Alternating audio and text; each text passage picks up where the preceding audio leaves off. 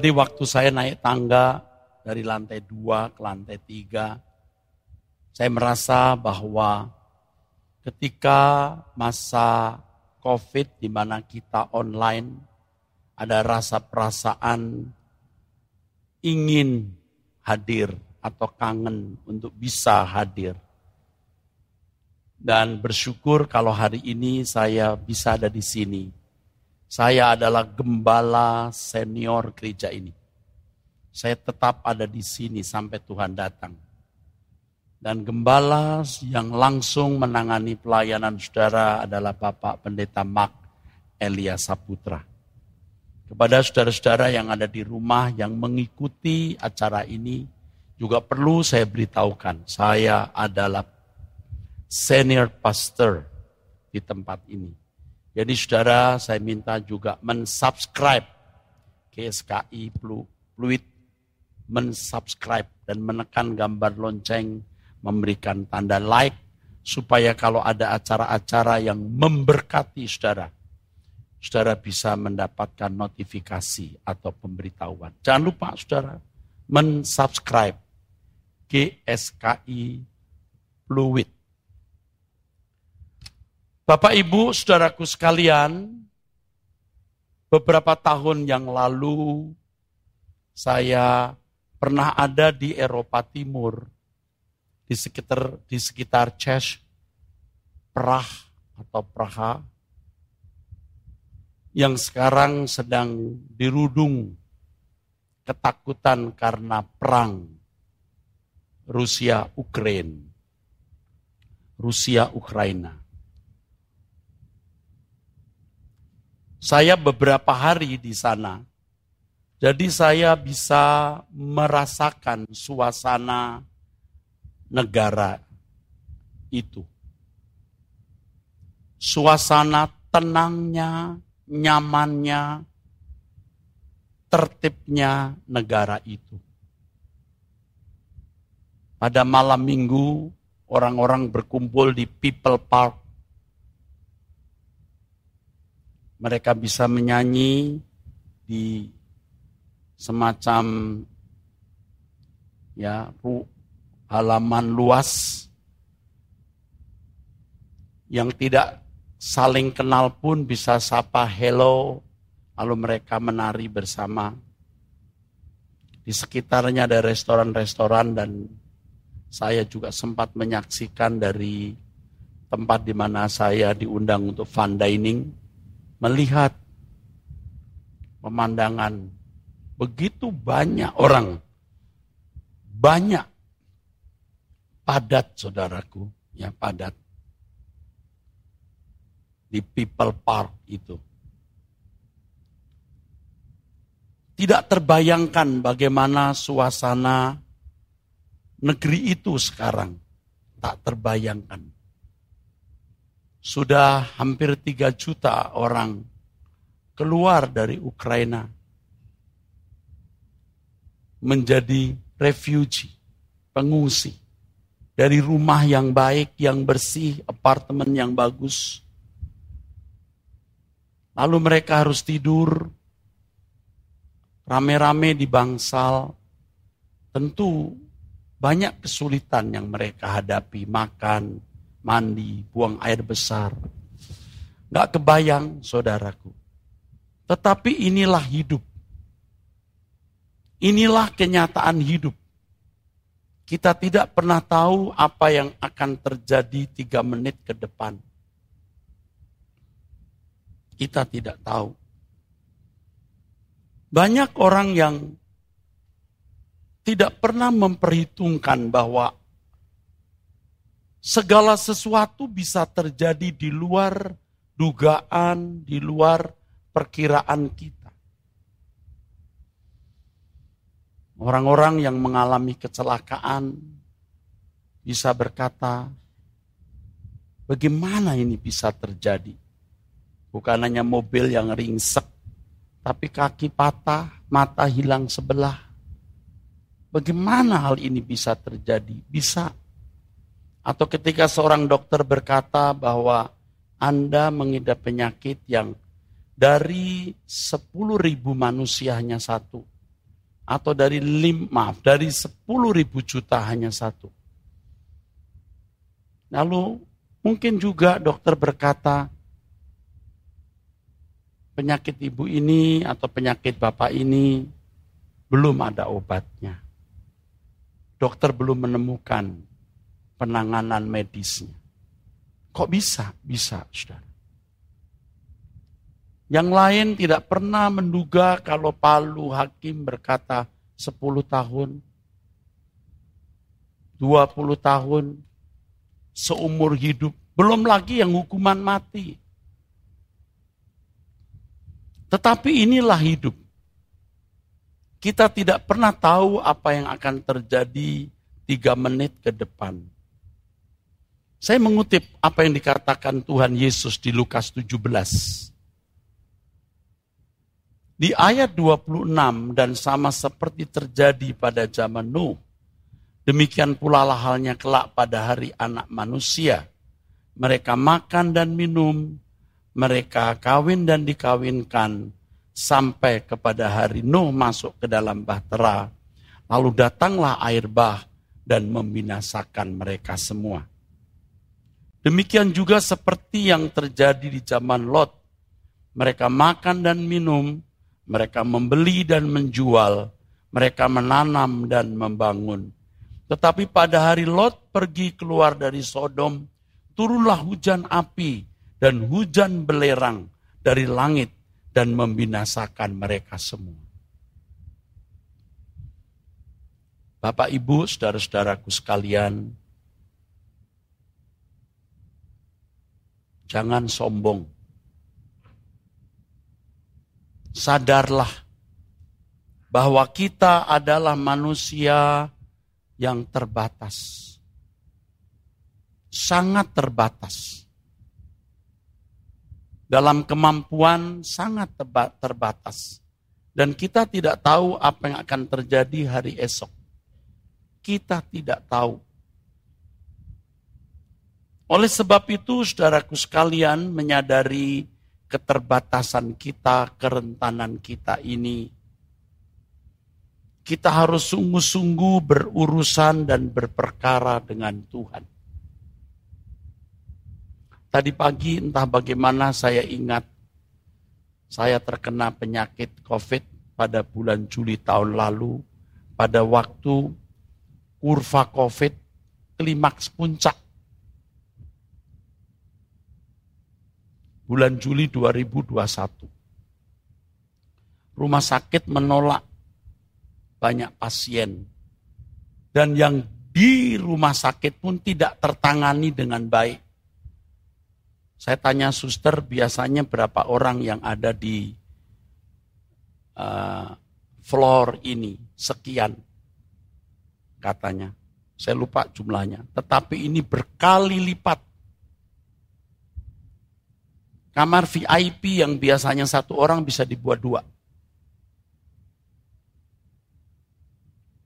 Lalu yang besar dibuat kecil-kecil. Saudara. Sehingga penanganan terhadap pasien pun juga tidak maksimal. Saya sendiri harus memperbaiki infus. Sudah habis harus matikan sendiri sebelum makan harus disuntik insulin. Karena obat itu membuat kita punya gula darah naik. Gula darah saya itu bagus sekali biasanya. Sangat bagus. Tetapi saya bisa sampai 460. Hampir 500. Ya saudara. Jadi harus disuntik insulin baru makan. Saya makan selalu dikirim dari luar bukan keluarga saya. Tetapi ada aktivis yang maminya memang sayang sekali. Panggil saya biasanya Akong, karena cucu-cucunya panggil saya Akong. Pagi, siang, sore, kirim makanan. Dan makanannya enak-enak dan banyak. Selama 15 hari. Jadi makanan sudah datang, insulin belum disuntikkan. Buset laparnya. Biar saya kena COVID, nafsu makan saya tidak kurang, saudara. Jadi saya lihat itu makanan udah saya buka-buka saudara. Aduh makanannya centek hoja. Enak. Tapi nggak disuntik-suntik saya panggil suster. Kan pakai itu. Saya panggil, suster, suster. Waduh lama saudara. Bisa setengah jam nunggu suster datang. Suntik insulin. Waduh saudara. Tetapi puji Tuhan saya masih hidup. Saya mengalami masa-masa gelap. Betul-betul gelap. Napas susah. Jalan baru berapa meter sudah seperti ikan jatuh ke darat. Untung saya masih hidup. Saya berpikir tadi pagi seandainya waktu itu saya meninggal, saya menghadap Tuhan, apa yakin ya saya sudah benar-benar berkenan di hadapan Allah. Lalu saya bayangkan saudara orang-orang yang ada di ruang ICCU lalu berpikir, bisa ya saya begini ya. Nah saya karena pernah ada di ruang itu, dan memang juga pernah ada di ambang maut, jadi saya bisa menghayati. Bisa ya begini ya. Bisa, semua bisa terjadi. Lalu ketika roh keluar dari tubuh, kok bisa ya? Bisa terjadi. Apalagi di hadapan pengadilan Tuhan. Kok bisa ya? Bisa. Karenanya saya menyampaikan ini kepada Bapak Ibu, jangan sombong. Kesombongan seseorang berangkat dari sikap yang tidak merasa membutuhkan Allah. Ya, terutama saudara yang tidak memiliki masalah, yang everything, yang semua running well. Semua baik-baik, semua lancar. Lalu saudara tidak merasa membutuhkan Tuhan. Atau saudara punya banyak masalah, Saudara membutuhkan Tuhan. Tapi yang Anda butuhkan itu pertolongan Tuhan, berkat Tuhan untuk masalah saudara. Sebenarnya tidak membutuhkan Tuhan sendiri. Dan banyak orang yang sebenarnya menjadi gagal fokus. Tidak fokus ke Tuhan dengan benar. Mestinya kita itu memiliki kerendahan hati yang benar sehingga kita bisa berkata, Tuhan, hanya Engkau yang kuperlukan. Hanya Engkau Tuhan. Jangan nunggu ada masalah. Akhirnya saudara mencari Tuhan pun bukan karena Tuhan yang menjadi kebutuhan saudara. Jangan hanyut dengan keadaan nyaman. Semua smooth, running well. Lalu saudara tidak merasa membutuhkan Tuhan. Saya bisa mengerti saudaraku di Eropa Timur dan sekitarnya. Gereja-gereja benar-benar sepi. Karena saya pendeta, saya juga ingin lihat gereja-gereja, saudara. Gereja-gereja sepi. Gereja-gereja dipakai untuk konser. Nanti kadang-kadang ada konser yang enam orang saja, tujuh orang saja, atau lebih.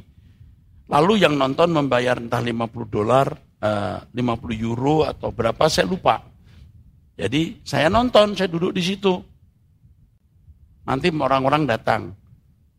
Hanya untuk jadi tempat konser, tapi nggak ada, tidak dipakai kebaktian. Artinya tidak seperti di Indonesia ya banyak orang, itu sedikit sekali. Seperti pernah juga di Sydney, ada konser, yang datang beberapa orang, yang narik duit itu pendetanya. Udah tua gitu narikin. Waduh, nggak ngerti, sedih banget liatnya. Yang dekat Victoria itu. Gerejanya bagus, halamannya juga luas. Ada burung-burung terbang di situ.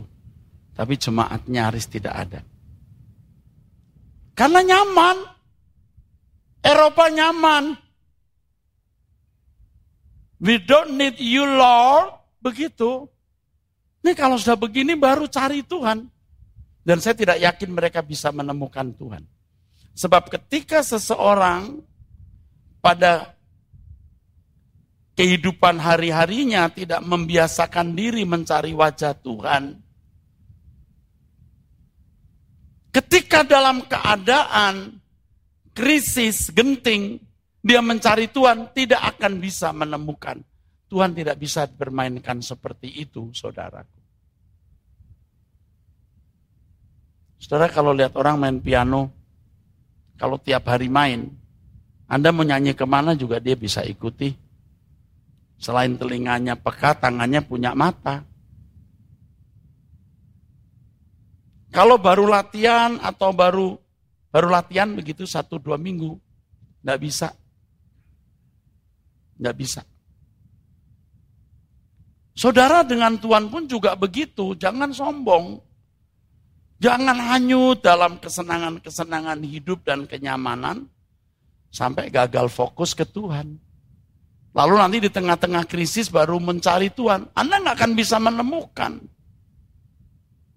Nih kalau kameramen nih saudara ya. Kalau kameramen karena saya orang production house sudah sejak belasan tahun yang lalu. Kalau orang sudah biasa pegang kamera ya, set ya, jarak dan ketepatan set pas cepet. Coba orang nggak latihan, nggak dapat fokus. Set dapat. Kita ke fokus ke Tuhan juga harus tiap hari. Tiap hari 30 menit. Di kaki Tuhan doa. Tiap hari. Dengar khutbah. Tidak hanyut dengan berbagai kesibukan hidup sampai lupa waktu untuk Tuhan. Ya saudara. Atau saudara hanyut dalam berbagai problem dan persoalan mikir ini, mikir itu, kebutuhan ini belum terpenuhi, sakit hati kepada seseorang, orang tua, apakah mertua atau pasangan hidup, kesel lihat anak, dan lain sebagainya. Anda gagal fokus, dan setan memang buat begitu. Akhirnya saudara tidak pernah mempersoalkan keadaan diri saudara di hadapan Tuhan. Saya khotbahkan di sini beberapa waktu yang lalu, orang sakit yang membutuhkan tabib. Anda tidak pernah sakit Anda itu apa di mata Tuhan. Sakit mental, sakit rohani, sakit karakter. Anda tidak pernah mempersoalkan, saudara tidak pernah serius mempersoalkan. Ya tidak bisa. Saya khotbahkan di sini beberapa waktu yang lalu. Ingat sekali, kalau orang ke rumah sakit mau apa? Ya karena sakit supaya mendapat perawatan sembuh. Lalu orang ke gereja mau apa? Ya harus lihat dong masalah utamanya. Problemnya itu apa? Kalau masalah ekonomi ya, Anda bisa kerja keras, cari uang di luar sana. Gereja harus menyediakan perawatan rohani supaya jemaat disadarkan tentang keadaan dirinya di hadapan Tuhan. Tetapi kalau hanya ke gereja seminggu sekali, memperkarakan hidup rohaninya, tetapi hari-harinya tidak, saudara gagal fokus. Entah saudara terima atau tidak, saya ini pastor senior. Saya bapak rohani, saya orang tua rohani. Demi nama Tuhan Yesus saya harus mengingatkan saudara. Supaya saudara sadar, urusan dengan Tuhan itu nomor satu. Kerja keras harus, mengurusi rumah tangga mesti. Tanggung jawab, merawat tubuh dengan olahraga, pola makan, pola hidup yang baik, harus. Tetapi Tuhan lebih dari semuanya. Minggu begini datang. Datanglah Jangan saya mau online saja. Sudah onsite datanglah. Wah nggak ada Pak Eras. Saudara yang khotbah di sini itu orang-orang yang tentu sudah saya kenal. Yang bisa memberkati. Saya harus panjang umur, tidak tiap minggu mesti datang. Saya, saya sudah tua. Tapi saya pasti datang. Datanglah. Wah, tapi saya mau dengar khotbah Pak Eras. Lihat aja turut ID. Tapi pertemuan bersama, mendengarkan puji-pujian yang menurut saya nih tidak berlebihan ya, profesional. Saya pemain musik dari muda juga, pemain piano.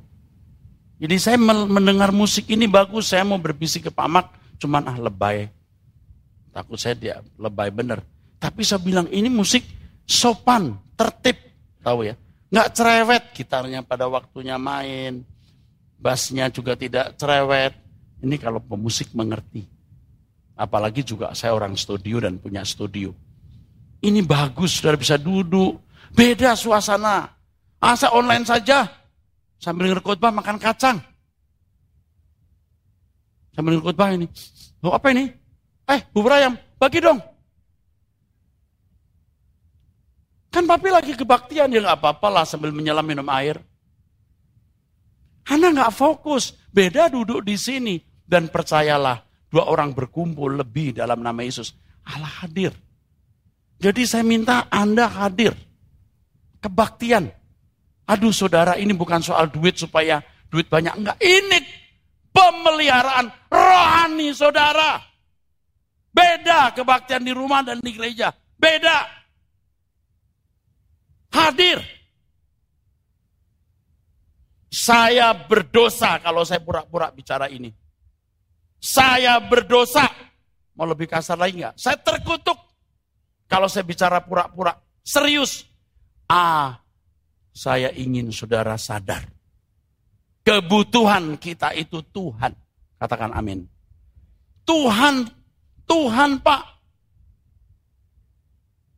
Coba kalau perang seperti di Ukraina, Ukraina hari ini. Mau hebat apa? Mau hebat bagaimana? Ayo, mau orang tua, orang muda, mau kaya, mau hebat bagaimana? Udah gila saudaraku. Rumah sakit bersalin saja dibom. Rumah sakit anak-anak jadi bom. Apartemen-apartemen yang bagus-bagus dibom. Karena saya pernah ada di wilayah itu. Aduh saudara, bersih. Kalau jam 5 sore orang-orang itu ke kafe-kafe gitu ya. Pub gitu. Mereka duduk ngobrol. Di pinggir jalan juga bersih kan, duduk terus ketawa-ketawa. Aduh. Maka kemarin waktu ketemu teman, saya pengen ke Eropa itu bukan hanya sekedar pemandangannya. Suasananya. Duduk di pinggir jalan, enggak, tapi bersih. Ngopi gitu. Aduh, hari ini begini, Coba nih kalau perang meluas. Ini terakhir ini ada 100 lebih tentara Amerika mau diturunkan lagi. Saya nggak tahu apakah apakah Amerika tutup mata kalau Kiev betul-betul ditaklukkan. Eropa apakah diam saja? Harga dirinya di mana itu NATO? Waduh. Anda bisa bayangkan ini realita. Saya bukan nakut-nakuti atau ngancam saudara. Saya ini Bapak Rohani bersama Pak Mak. Saya ingatkan saudara, jangan sombong. Di luar sana, aduh orang-orang tuh kayak nggak peduli Tuhan. Sombong, apalagi kalau duitnya banyak, mobilnya bagus, rumahnya mewah, kenalannya pejabat tinggi, aparat keamanan. Aduh, saudaraku, segala sesuatu bisa terjadi. Saya sudah ketemu banyak orang, saudara. 42 tahun melayani, sudah ketemu orang hebat. Salah satu jenderal zaman zaman uh, Orde Baru di ujung maut waktu terbaring saya sakit, saya ada di situ. Saya bayangkan dulu betapa hebatnya jenderal ini. Tapi kalau sudah begini, mau apa? Istrinya berkata, Pak, saya lagi kirim orang ke luar negeri ada obat yang satu biji 75 juta Pak. Saya harap bisa datang segera untuk memper, menyembuhkan suami suaminya. Udah tua lah bisa. Tapi saya diam saja. Saya udah lihat orang kaya meninggal. Tidak berlebihan saudaraku, tidak berlebihan. Orang berkedudukan tinggi, orang kaya, di ujung maut. Puji Tuhan saya sempat ketemu di ujung maut mereka. Dan ini memberi inspirasi buat saya yang tidak kaya seperti mereka, tidak berkedudukan, saya bukan siapa-siapa. Tapi aku bersyukur Karena aku sadar bahwa yang kubutuhkan Tuhan. Dan kalau aku membutuhkan Tuhan, maksudnya adalah agar Tuhan berbicara padaku, memberitahu apa yang masih salah yang kulakukan. Kalau ada sesuatu yang tidak beres yang masih ada dalam hidupku, supaya dibereskan. Dan kalau suatu hari nanti saya berdiri di hadapan tata pengadilan Tuhan, aku bisa bersuka cita karena aku mendapat perkenanannya. Katakan amin. Amin. Tujuan kita hanya itu, Pak. Gereja ini hanya itu. Mau apa?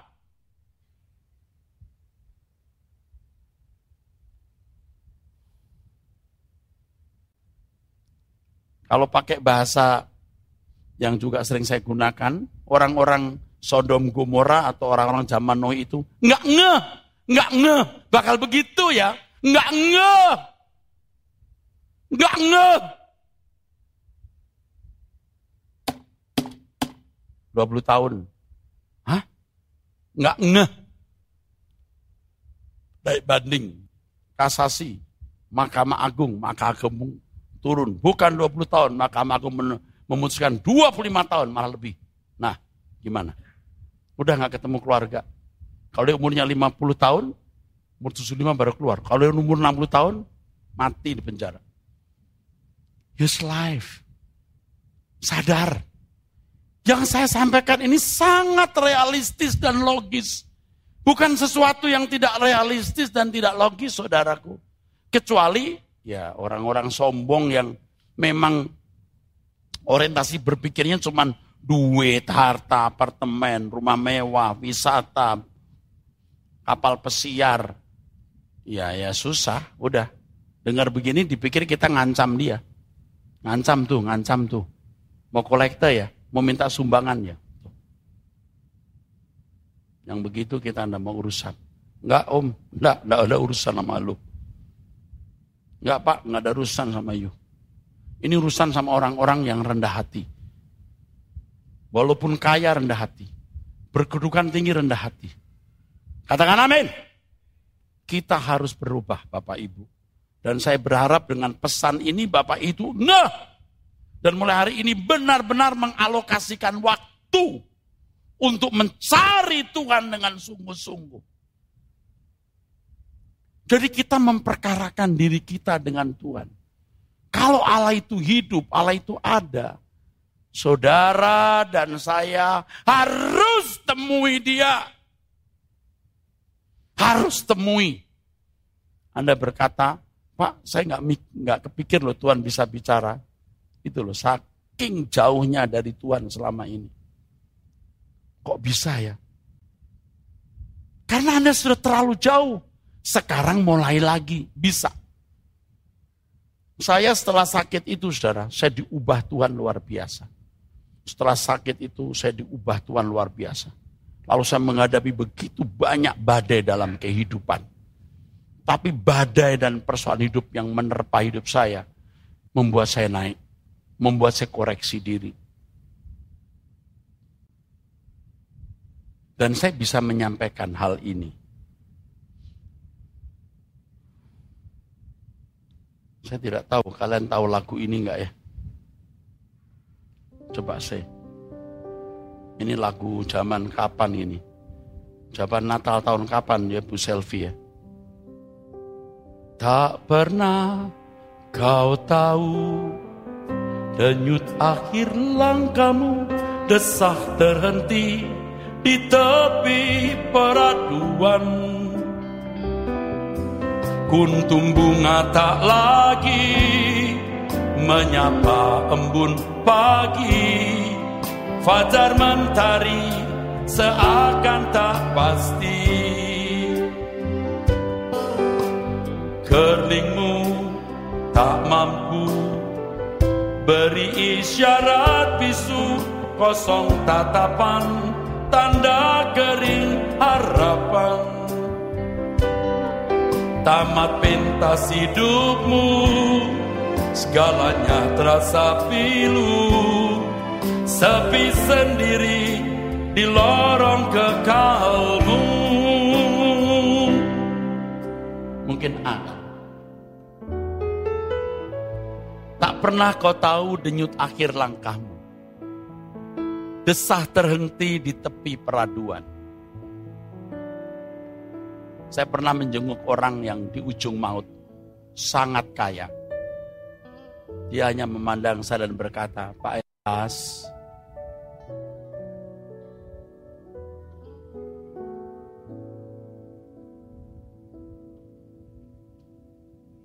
Dia hanya melihat saya begini, Pak Eras. Saya pegang tangannya. Karena beliau sudah supuh tua, saya biasa panggil om. Ya om. Dia liatin saya, Pak Eras.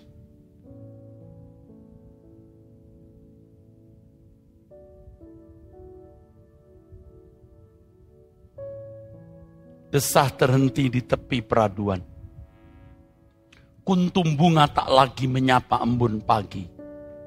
Fajar mentari seakan tak pasti. Kerlingmu tak mampu beri isyarat bisu. Ada, aduh saudara saya beberapa kali Tuhan beri kesempatan ada di di situasi orang di ujung maut. Dia hanya bisa ngeliat ini.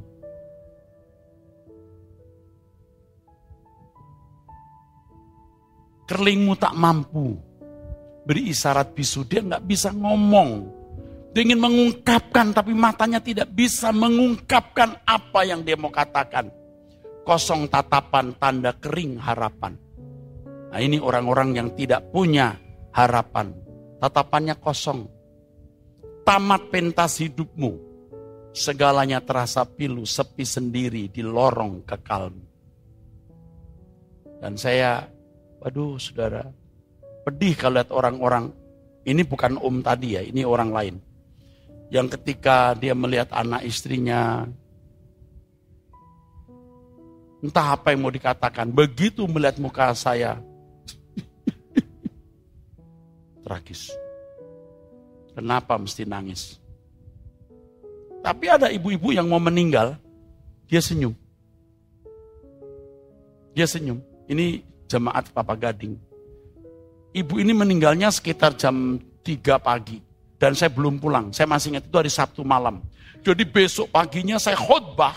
Mata saya masih merah. Saya nggak tidur.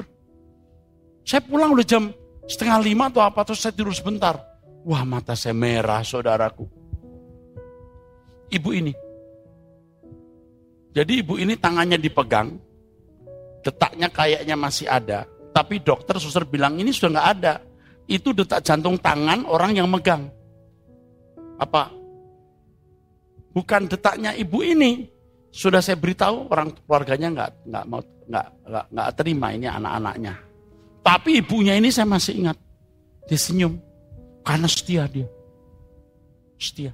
Tahu nggak ini orang mampu juga. Dia sakit pernah dibawa ke NASA, NASA Amerika. Dibawa ke Jepang, ke Eropa, Jerman. Tidak sembuh. Ada penyakit-penyakit langka yang gak tersembuhkan. Nah itu dia senyum. Dan saya cukup dekat dengan ibu ini. Bahkan ibu ini, dia berkata kepada suaminya, nanti kalau aku meninggal, tolong ke rumah Pak Eras, beli, ingat gak mam? Beli kursi untuk rumahnya Pak Eras. Saya punya kursi. Kursi tamu itu zaman saya masih baru menikah sampai saya jadi gembala, belum ganti. Jadi kalau duduk itu blek, ambles. Nah ibu ini ambles. Jadi dia bilang tolong belikan kursi tamunya Pak Eras. Jadi saya ingat sekali kisah ini. Dia senyum. Ada lagi bapak-bapak waktu mau meninggal. Ini bapak, mm, papa dari aktivis. Di rumah sakit Cikini, saya datang. Pak Eras, Aku mau sembuh dan aku mau ikut Pak Eras melayani. Oh, udah tua. Sakitnya juga udah parah. Duduknya selalu di bagian depan tapi di samping di lorong. Jadi saya apal duduknya di situ. Kadang-kadang orang Rehoboth itu kalau duduk seperti punya kapling. Yang itu kaplingnya Bapak itu sampai nggak berani diduduki. Itu kalau di Rehoboth itu begitu. Di Kelapa Gading juga ada tempat-tempat yang memang kaplingnya. Nah Bapak ini bilang gini, Pak, saya mau ikut Bapak ke mana pergi. Oh. Saya panggil Om juga karena dia bapaknya aktivis ya Om. Terus Pak Eras nyanyikan lagu. Apa? Tetap aja di A tapi tinggi. Lagunya ini. Di sini kau beri kelegaan. Di rumahmu Tuhan. Itu lagunya Rehobot. Ya lagu gereja kita. Saya nyanyi. Eh saya pulang meninggal. Betul dia ikut saya. Ikut di sono. Dia lebih dulu. Nah saudara, bukan nakut-nakuti, jangan berkata apa, konyol khotbah, begitu kita masih hidup kok. Justru ketika Anda hidup, Anda persiapan. Ketika Anda sudah meninggal, Anda tidak punya waktu persiapan. Yang muda-muda ini, dunia ini jahat banget nak. Kamu terbawa oleh filosofi, cara berpikir, dan prinsip-prinsip hidup anak-anak dunia. Kamu terhilang dan tidak pernah bisa berubah. Maka sebelum rusak, cari Tuhan. Saya kemarin pergi sama istri saya, waktu di tempat parkir ketemu pemuda usia 32 tahun. Cakep, ganteng, putih. Eras, oh kok bisa kenali saya? Pak, saya ikut doa pagi, ikut doa puasa, abam. Disebutin, oh sekarang saya lagi dengan istri saya mau makan pak, kami masih puasa. Hah? Kan udah selesai? Ya kami melanjutin lagi. Wah ini luar biasa nih berarti. Tolong buka, dibuka maskernya biar saya kenal. Oh disebut satu nama. Wah ini orang bisa kasih nomor telepon ini. Ini nomor telepon saya. Saya mau tahu nih kenapa bisa begini nih. Memang di SMS saya. Wah istri saya pak, ngefan bapak. Oh Berarti dia juga ngefan, nggak mau ngomong kali. Anak muda ini, umur 32 tahun, cakep. Very handsome, kulitnya putih, handsome. Doa puasa, abam, semua saya ikut Pak. Jadi saya kenal Bapak. Kan saya pakai masker yang gede ini. Kok bisa kenal muka saya? Doa pagi, puasa, Jadi orang muda jangan saudara merasa belum waktunya. Anda kalau tidak cari Tuhan hari ini ketelan dunia. Habis. Jangan. Katakan amin. Ayo. Memang Anda jadi aneh kok tidak seperti anak muda lain. Ya memang beda. Anak muda rata-rata waduh rusak. Tapi kita tidak. Biar kamu jadi anak yang merupakan hadiah Tuhan untuk mama papamu. Berkelakuan baik, hormat orang tua, kerja keras. Ya. Jadi saya minta semua kita berubah, bertobat. ya. Biarpun bukan saya yang khotbah hadir di sini. Tak pernah kau tahu denyut akhir langkahmu desah terhenti di tepi peratuan Kuntung bunga tak lagi menyapa embun pagi. Fajar mentari seakan tak pasti. Kerlingmu tak mampu beri isyarat bisu Kosong tatapan tanda kering harapan Tamat pentas hidupmu Segalanya terasa pilu. Sepi sendiri di lorong kekalmu. Siapa pun tak akan bisa Membusungkan dada. Kala roh jiwa lepas dari raga Baru kau sadari kau bukan siapa-siapa Betapa nestapa dirimu. Angkuhmu dalam kemewahan Meremehkan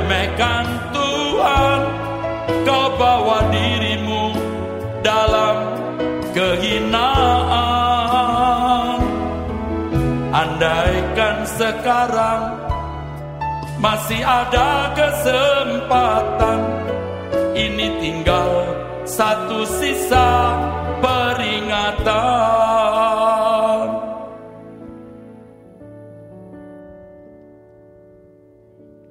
Coba saudara perkarakan begini saudara. Saudara percaya Tuhan kan? Aku percaya engkau Tuhan. Tuhan merasa enggak bahwa dia dipercaya oleh saudara? Pernah enggak mempersoalkan? Engkau menerima atau mengakui atau merasa aku mempercayai Tuhan enggak? Kan kita juga punya pengalaman yang sama dengan orang-orang yang berkata, saya percaya you. Enggak, lu enggak percaya gua. Kita itu pernah nggak mempersoalkan kepada Tuhan, Tuhan, aku ini engkau terima nggak sebagai orang percaya? Percaya kan bukan hanya keyakinan di dalam pikiran, percaya itu kan tindakan. Harus ada bukti dari percaya kita itu. Dan kalau saudara percaya Tuhan harus menuruti kehendaknya. Ringkasnya, singkatnya, konklusinya, kesimpulannya, ujungnya adalah kalau kita percaya Tuhan, kita harus hidup sesuai apa yang Tuhan kehendaki. Berkenan di hadapan Tuhan. Kalau tidak berarti you nggak percaya Tuhan. Nggak nurut. Amin. Amin. Nggak nurut itu nggak percaya Pak. Makanya kita persoalkan Tuhan di matamu aku percaya belum. Tuhan Tuhan akan berkata, kamu ber, kamu hidupmu bener nggak? Aduh saya nggak tahu. Kamu persoalkan tiap hari enggak? Ya Tuhan aku banyak masalah Tuhan. Yang lain aku banyak kesenangan. Hanyut. Fokusmu habis. Jangan sampai ini terjadi dalam hidup kita. Jangan sampai nggak ngeh Tuhan datang atau sudah meninggal atau tiba-tiba ada masalah yang krisis, yang genting, saudara tidak sanggup fokus mencari Allah. Benar saudara, benar. Waktu orang di ujung maut itu baru teruji seberapa dia selama ini mencari Tuhan, baru teruji. Makanya lagu tadi itu bagus waktu mau masuk firman itu. Waduh, F itu atau E ya? F ya. Ajarku menjaga hati, itu saudara.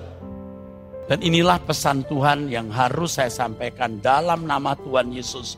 Ini yang saya doakan untuk saya sampaikan kepada saudara di GSKI Peluit. Amin. Terpuji Tuhan. Bagi Bapak, Ibu, Saudara-saudari yang terpanggil untuk mendukung pelayanan GSKI Pluit dapat memberikan persembahan ke rekening BCA KCU Pluit dengan nomor 1686533388. Sekali lagi, 1686533388